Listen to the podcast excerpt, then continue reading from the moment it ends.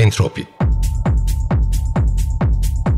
Sonsuz enerji, sonsuz devinim ve düzensizliğin değişen ritmi.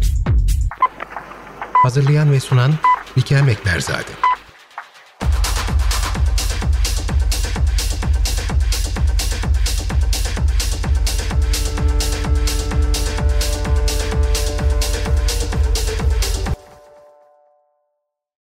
Monica, welcome to Entropy. Sevgili Monika, Entropi'nin alansal eşitsizlik bölümüne hoş geldin. Bu alansal eşitsizlikler e, senin aslında üzerinde çalıştığın konulardan bir tanesi. Bu senin uzmanlık alanın. Sen University of Twente'de, Twente Üniversitesi'nde doçent olarak görev yapıyorsun. Şehir ve bölge planlama bölümündesin ve aynı zamanda coğrafi bilgi işleme konusunda bir uzmansın ve bu konuda çalışma yapıyorsun. Bugünkü konuğumuz Monika Kufer ve bahsettiğim gibi bugün alansal eşitsizlikler üzerine konuşacağız. Sen özellikle Afrika'da çalışıyorsun, farklı ülkelerde. Aynı zamanda küresel olarak da çalışıyorsun ama yoğunlukla Afrika ülkeleri üzerine çalışıyorsun. Ee, ve buradaki görünmeyen mahalleler üzerine çalışmalar yapıyorsun. Şimdi ben sana mikrofonu teslim edeceğim. Senden rica etsem bize çalışmalarını anlatır mısın? moment there's a, to a certain degree a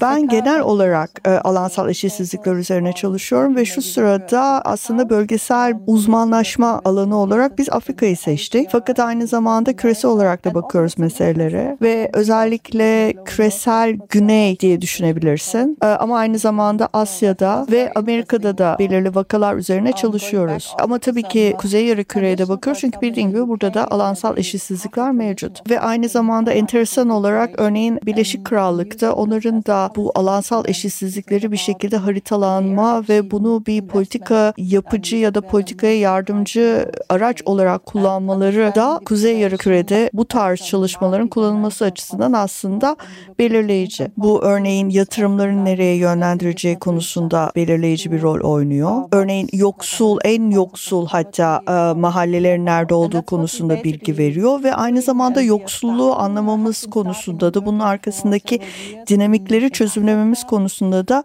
bize yardımcı olabiliyor. Bu sadece gelir eşitsizliği ya da gelir yoksulluğu olarak algılanmamalı. Bu mevcut olaya aslında biraz tek düze bir e, yaklaşım ve çok sınırlı bir yaklaşım olarak kalır ve gerekli diğer e, dinamikleri göz ardı etmemize yol açar. Yoksulluğa biraz daha holistik bir açıdan, biraz daha bütünleyici, tamamlayıcı ve farklı yönleriyle bakmakta yarar olduğunu düşünüyorum. Biz e, senin de söylediğin gibi uzun süredir Afrika'da çalışıyoruz. Afrika çok hızlı bir şekilde şehirleşen bir kıta olması açısından buradaki ülkelerin şehirleşme konusunda çok hızlı hareket etmeleri söz konusu olduğu için aslında bu tarz çalışmaları yürütmek için de çok uygun bir ortam bizim için. Burada hali hazırda nüfusun çok büyük bir çoğunluğu büyük şehirlerde yaşamıyor ve onlarca senedir büyük şehirlerde, ülkelerin büyük şehirlerinde çok hızlı yayılımcı bir e, şehircilik anlayışı da izlenmekte ve böyle bir durum sonrasında da %60'ı nüfusun informal yerleşimlerde yani bir nevi gece kondularda yaşıyorlar aslında.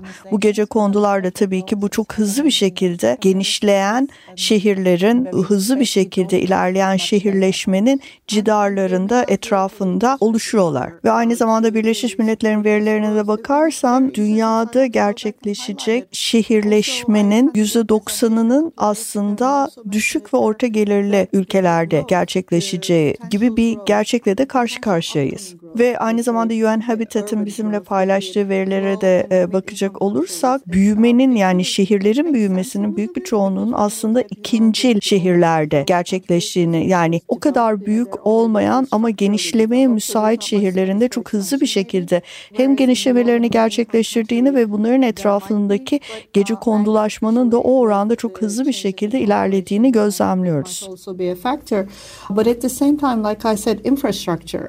Ve aynı zamanda bu şehirlerin e, yeterli altyapısı da olmayabilir öyle değil mi? Şöyle sen burada altyapı derken örneğin kanalizasyonun dahi bu şehirlerin büyümesini destekleyemeyecek kadar yetersiz olduğundan bahsediyordun. Senin söylediğin başka bir şeyin de tekrar altını çizmek istiyorum burada o da şu e, büyümenin özellikle ikinci şehirlerde ve orta ve düşük gelirli ülkelerde olduğundan bahsediyordun. Bugün de bunu söyledim. Bu aslında çok da mantıksız bir durum değil. Çünkü büyük olan şehirlerin zaten belirli bir büyüme kapasitelerine ulaştıklarını ve daha fazla alansı olarak genişleme şanslarının olmadığını, aynı şekilde ülkeler nezdinde de gelişmiş ülkelerin zaten adları üzerinde gelişmiş oldukları için gelişmeye açık çok fazla alanlarının olmadığı fakat daha düşük ve orta gelirli ülkelerin bu konuda biraz daha şanslı oldukları aslında mantıksız gelmemeli öyle değil mi? Eğer e, küresel kuzey durumunu düşünürsek eğer böyle bir vaka üzerinden konuşmak istersen şu anda biz Hollanda'dayız. Burada mesela kuzey yarı bizim bulunduğumuz bu bölgede özellikle nüfusun %90'ı aslında şehir alanlarında yaşıyor. Ve şehirlerde daha fazla büyümeye de e, izin verebilecek bir durum yok. Doygunluk oranına ulaşmış durumda bu şehirler. Ama bazı bölgeler var ki burada şehirleşme oranlarının %30'larda %40'larda kaldığını biliyoruz görüyoruz. Ve böyle yerlerde de aslında insanların aynı şekilde büyük şehirleri yüksek oranlarda yerleştiğini görüyoruz. Ve burada da tabii senin de söylediğin gibi altyapı en önemli problemlerden bir tanesi haline geliyor. Doğu Afrika'daki duruma bakarsan şehirler çılgıncasına büyüyorlar. Özellikle bağımsızlıktan sonra. Çünkü kolonyal dönemde, e, sömürgeci dönemde insanlar şehirlerde yaşayamıyorlardı. Böyle bir hakları yoktu. Böyle bir hak onlara tanınmamıştı. Sadece e, Avrupalı kolonyal sömürgeci güçler şehirlerde yaşama hakkına sahipti. Ve o yüzden şehirler bir nevi şans alanları olarak görülüyordu. Özgürlükten sonra insanlar çok yüksek oranlarda şehirlere akın etmeye başladılar. Bu öyle bir hal aldı ki şehirler artık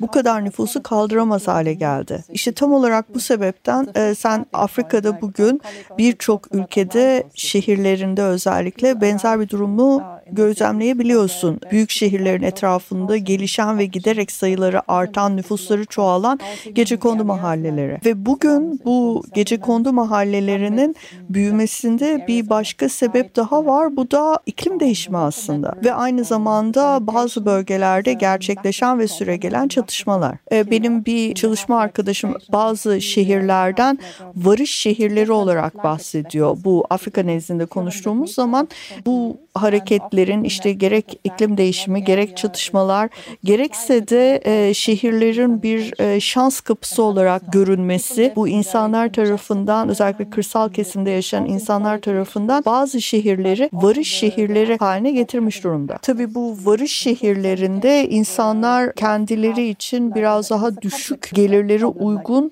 yaşam alanları bulmaya çalışıyorlar ve buralarda kalabilecekleri bir yer bulmak çabasındayken doğal olarak gece kondulara yöneliyorlar ve gece kondulardaki bu altyapı problemleri de bu sefer e, çok çok daha fazla görünür hale gelmeye başlıyor. Özellikle sanitasyon burada çok ciddi bir problem haline geliyor. Bu sağlığı da çok ciddi anlamda burada yaşayan insanların sağlığından bahsediyorum. Tehdit altında tutan bir durum. Bu öyle bir hale geliyor ki bir şehrin içerisinde mahallelere bağlı olarak farklı yaşam uzunluğu beklentisi. Bu öyle bir hal alıyor ki birkaç yüz metre ile 20 yaş yaşam beklentilerine eklenip çıkartılabiliyor. Bu gece kondu alanlarında insanlar çok sıkışık yerlerde yaşamak zorunda kalıyorlar. Çok sıkışık yaşam alanlarına mecbur kalıyorlar. Burada alanlar çöple kaplı. Gerçekten çünkü e, servis verilmiyor bu bölgelere. Bu bölgeler şehrin bir parçası olmadıkları için informal yerleşim alanları olarak kabul edildiği için atık burada çok ciddi iki tane problem haline geliyor. Yani düşün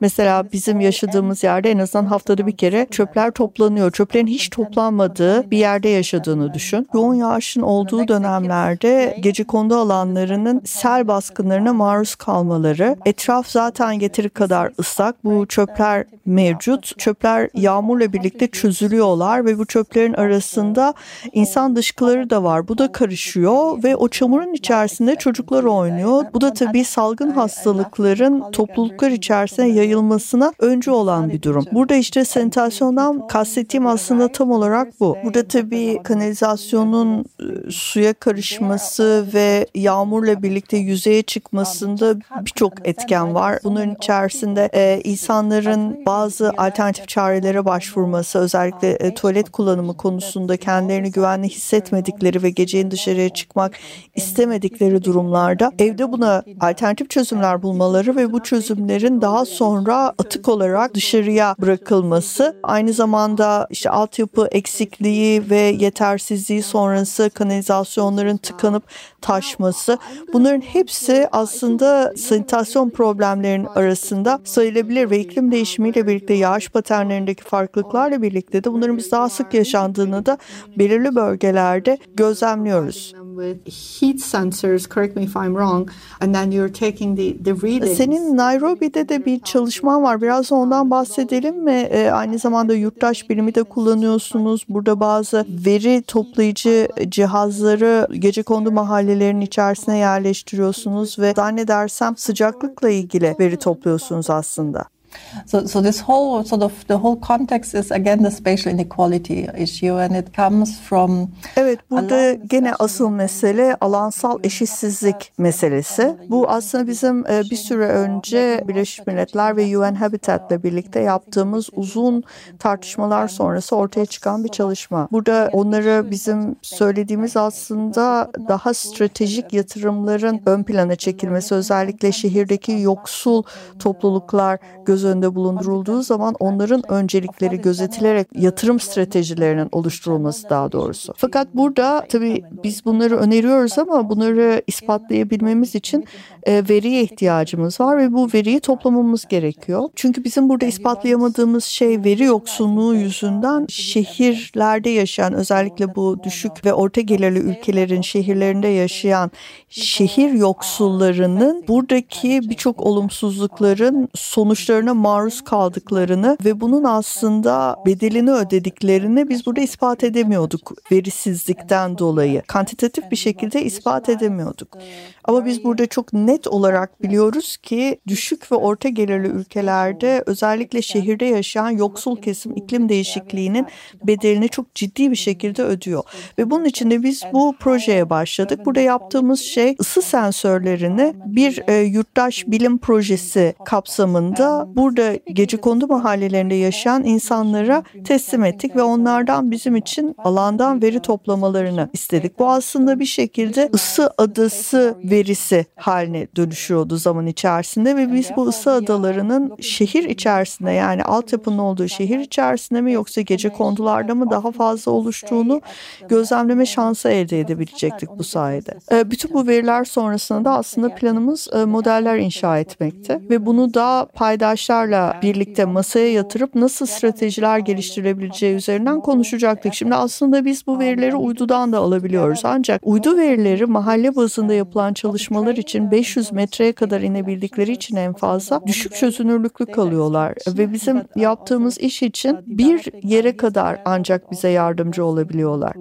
Training and capacity building, and we are um, doing uh, massive citizen science data collection, transect walks through settlements to record air temperature variations. In the end, we sort of plan to build models, but also feed back to stakeholders um, and to visualize um, the variations of extreme temperatures and start brainstorming about mitigation measurements and particularly low cost mitigation measurements that fit to the local context and are not sort of one size fit all yeah. solutions. Yeah, no, no, that's very interesting. And um, another... Bu aslında çok önemli e, ve çok ilgi çekici. çünkü siz bu sayede bir şehrin hangi bölgelerinin ısı adası etkisine iklim değişimiyle birlikte daha fazla maruz kaldığını tespit edebiliyorsunuz. Ve bu sayede de bu bölgede doğru politikaların izlenmesi için aslında bilim tabanlı kanıt sağlıyorsunuz. Ee, ama sizin yaptığınız bir başka çalışma da var. Siz burada aslında e, ışığı kullanıyorsunuz görüyorsunuz ve ışık kaynaklarının hangi bölgelerde daha fazla olduğunu ve bu sayede de e, aslında gece ışıklarına bakarak hangi bölgelerin elektrik şebekelerine sahip olduğunu ve hangi bölgelerin olmadığını çıkartabiliyorsunuz. Bununla birlikte elektrik şebekelerine sahip olup belirli bir hayat standardı içerisinde bu insanların olması ya da olmaması dışında aynı zamanda sen uydulardan aldığın gece ışıkları bilgisini e, çalışma alanları içinde kullanıyorsun. Öyle değil mi? Bu çok enteresan bir konu. Bu konudan biraz bahsedebilir misin? Contrasting global data sets that for example say for like cities like Lagos and Nairobi. Evet aslında bunun çıkış noktası özellikle küresel inceleme ve takip çalışmalarında genellikle verilerin çoğunun gündüz toplanan uydu verileri üzerinden analiz edilmesi. Ama aslında gece toplanan ve gece ışıkların da işin içinde olduğu çok yüklü bir e, veri hazinemiz de var bizim uydulardan elde edilen. Bu biraz egzotik bir çalışma alanı e, ama alansal e, eşitsizlik konusunda bu verilerden gerçekten çok ciddi anlamda faydalanabiliyorsun. Biz burada küresel veri setlerini karşılaştırıyoruz. Özellikle alansal eşitsizlik söz konusu olduğu zaman. E, büyük şehirler e, mesela Kahire ya da Lagos gibi büyük şehirler üzerinden konuştuğunuz zaman eğer e, ülkelerin bizimle paylaştıkları veriler üzerine gidersek e, elektrik şebekelerinin şehrin yüzde yüzünü kapsadığı yönünde bir bilgiye ulaşıyorsun. Fakat gece ışıklarını incelediğin zaman bu bilginin aslında ciddi yapısal sorunlar içerdiğini farkına varıyorsun. Gene de insanların büyük bir çoğunluğunun elektriğin bir formuna erişiminin olduğunu biliyoruz. Bu nasıl bir değişiklik? Yani kırsal kesimde olsalar belki bu kadar erişme şansları olmayacak. Fakat gene de şehrin e, yapısal kısmında yani şehir merkezinde yaşayan insanlarla gece kondu alanlarında yaşayan insanlar arasında çok ciddi hizmete ulaşım, şebekelere ulaşım konusunda eşitsizlik olduğunu biliyoruz biz. Bu da tabii e, hayat kalitesini etkileyen bir durum. Örneğin elektrik kesintileri büyük şehirlerde olabiliyor fakat bu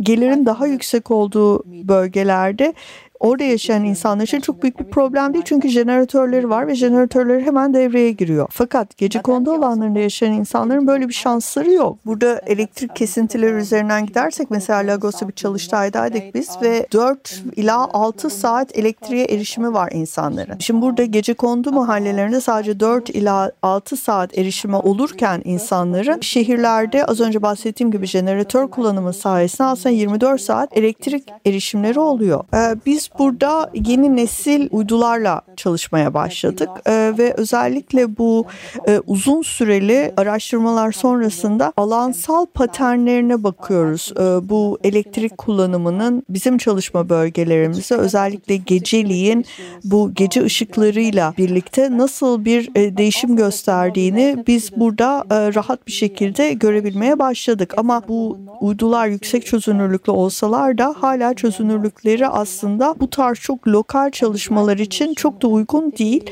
Burada daha yüksek çözünürlüklü veri her zaman için bizim işimizi kolaylaştırıcı bir etkiye sahip olacaktır. Burada aynı zamanda bir küresel kuzey küresel güney tartışması da söz konusu. Bu özellikle ışık kalitesine baktığımız zaman e, küresel kuzeyde de e, çok fazla ışık kullanımı sonrası aslında bir e, ışık zehirlenmesi olabiliyor ve burada daha yoksul mahallelerde yaşayan insanlar bu ışık zehirlenmesine maruz kalabiliyorlar. Aynı zamanda bu biyoçeşitliliği de sen de çok iyi biliyorsun. Sen de bu konuda çalışıyorsun zaten.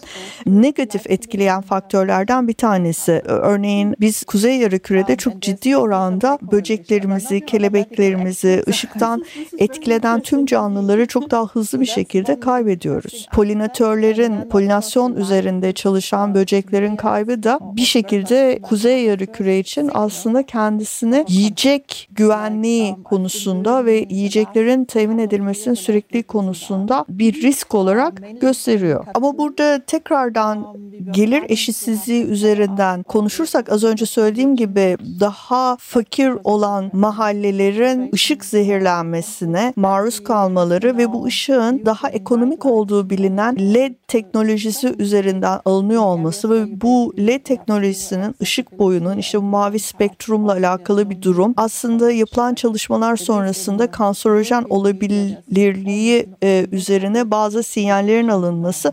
Bütün bunlar da gene gelir eşitsizliği ve ışık sorunsalını bizim için önemli bir hale getiriyor ve incelenmesi gereken konular arasında koyuyor aslında. Tabii burada ışığın benim kalbime yakın olan noktalarından bir tanesi de e, aynı zamanda biz bu gece ışıkları sayesinde çatışma bölgelerindeki çatışmanın yoğunluğunu ve insan hayatı üzerine etkilerini de gözlemleyebiliyoruz. Örneğin ben son birkaç yılda Sudan'da bu konuyla ilgili e, çalışmalar yapıyorum. Burada ışık aslında ya da ışığın olmaması e, bir bölgede sizin gece ışığını beklediğiniz bir bölgede ışığın birden ortadan yok olması aslında oradaki çatışmanın ilk sinyallerinden bir tanesi olabiliyor. Biz burada Sudan'da aslında alanda da çalışma yapacaktık. Alandaki çalışmayı uydu verilerinden aldığımız e, bilgilerle e, aslında karşılaştırmayı düşünüyorduk. Fakat e, şu anda süre gelen çatışmalar sonrası bu pek mümkün olmadı. Ama e, bu şöyle bir şeyi gösteriyor aslında bize.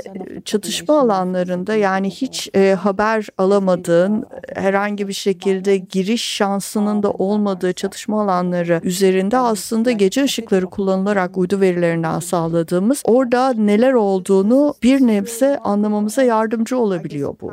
Ee, örneğin biz e, bu çatışmaların bir şekilde e, haber üzerinden takibini yapmaya çalışsak e, böyle bir şansımız olmayacak. Çünkü Avrupa basınında Sudan'da olan bir tane ilgili en ufak bir haber kırıntısına dahi rastlayamıyoruz maalesef. Örneğin şimdi Hartum'dan bahsedersek şehrin büyük bir bölümü elektrikten yoksun e, şu sırada ve şehir merkezine baktığım zaman burada neredeyse hemen hemen hiç ışık göremiyorsun. Bu da zaten e, çatışmalar konusunda e, ve başkenti nasıl et, etkiledikleri konusunda belirli olan oranda özellikle geçmiş ışık yoğunluğuyla karşılaştırıldığı zaman bu haritalar belirli oranda bilgi bilgi akışı sağlıyor. E, biz burada tabii sahadan e, orada çalışan arkadaşlarımızla yaptığımız görüşmelerden de bazı bilgilere ulaşabiliyoruz ancak burada gece ışıklarına baktığımız zaman ve özellikle Hartum gibi büyük bir şehirdeki e, ışık yoksunluğunu düşündüğümüz zaman biz buradaki ya popülasyonun büyük bir çoğunluğunun bölgeden çıktığını ya da oradaki altyapının ciddi anlamda ve çok e, geniş bir eksende artık çalışamaz durumda olduğunu öğrenebiliyoruz. Bu bilgiye erişebiliyoruz hiç olmazsa. Bu tabii bize başka bir şeyi de gösteriyor. Burada elektriğin olmaması büyük oranda e, su şebekesinin de çalışmamasıyla doğru orantılı bir halde ilerliyor.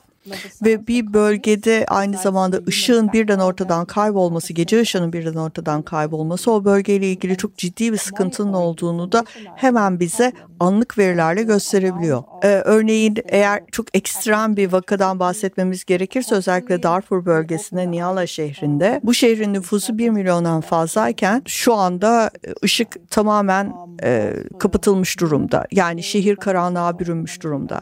E, ve biz e, bunun neden olduğunu bölgede hala çalışmakta olan Sudan'daki çalışma arkadaşlarımıza sorduğumuz zaman neredeyse burada yaşayan popülasyonun nüfusun %90'ını şehri terk ettiğini öğreniyoruz. E, ve şimdi e, 1 milyon nüfusu olan bir e, şehir haritadan kayboldu birden. Evet kesinlikle ya bu muhteşem gerçekten Monika çok teşekkür ederim. Entropinin bir parçası olduğun için e, çalışmalarınızda takipçiniz olacağız. Kesin belki ilerleyen zamanlarda sen ve ekibinden başka kişiler de çalışma arkadaşlarına birlikte de Entropinin tekrardan konuğu olabilirse çok sevinirim. Thank you for having me. It was really a pleasure. Beni konuk ettiğin için çok teşekkür ederim. Gerçekten büyük bir zevkti.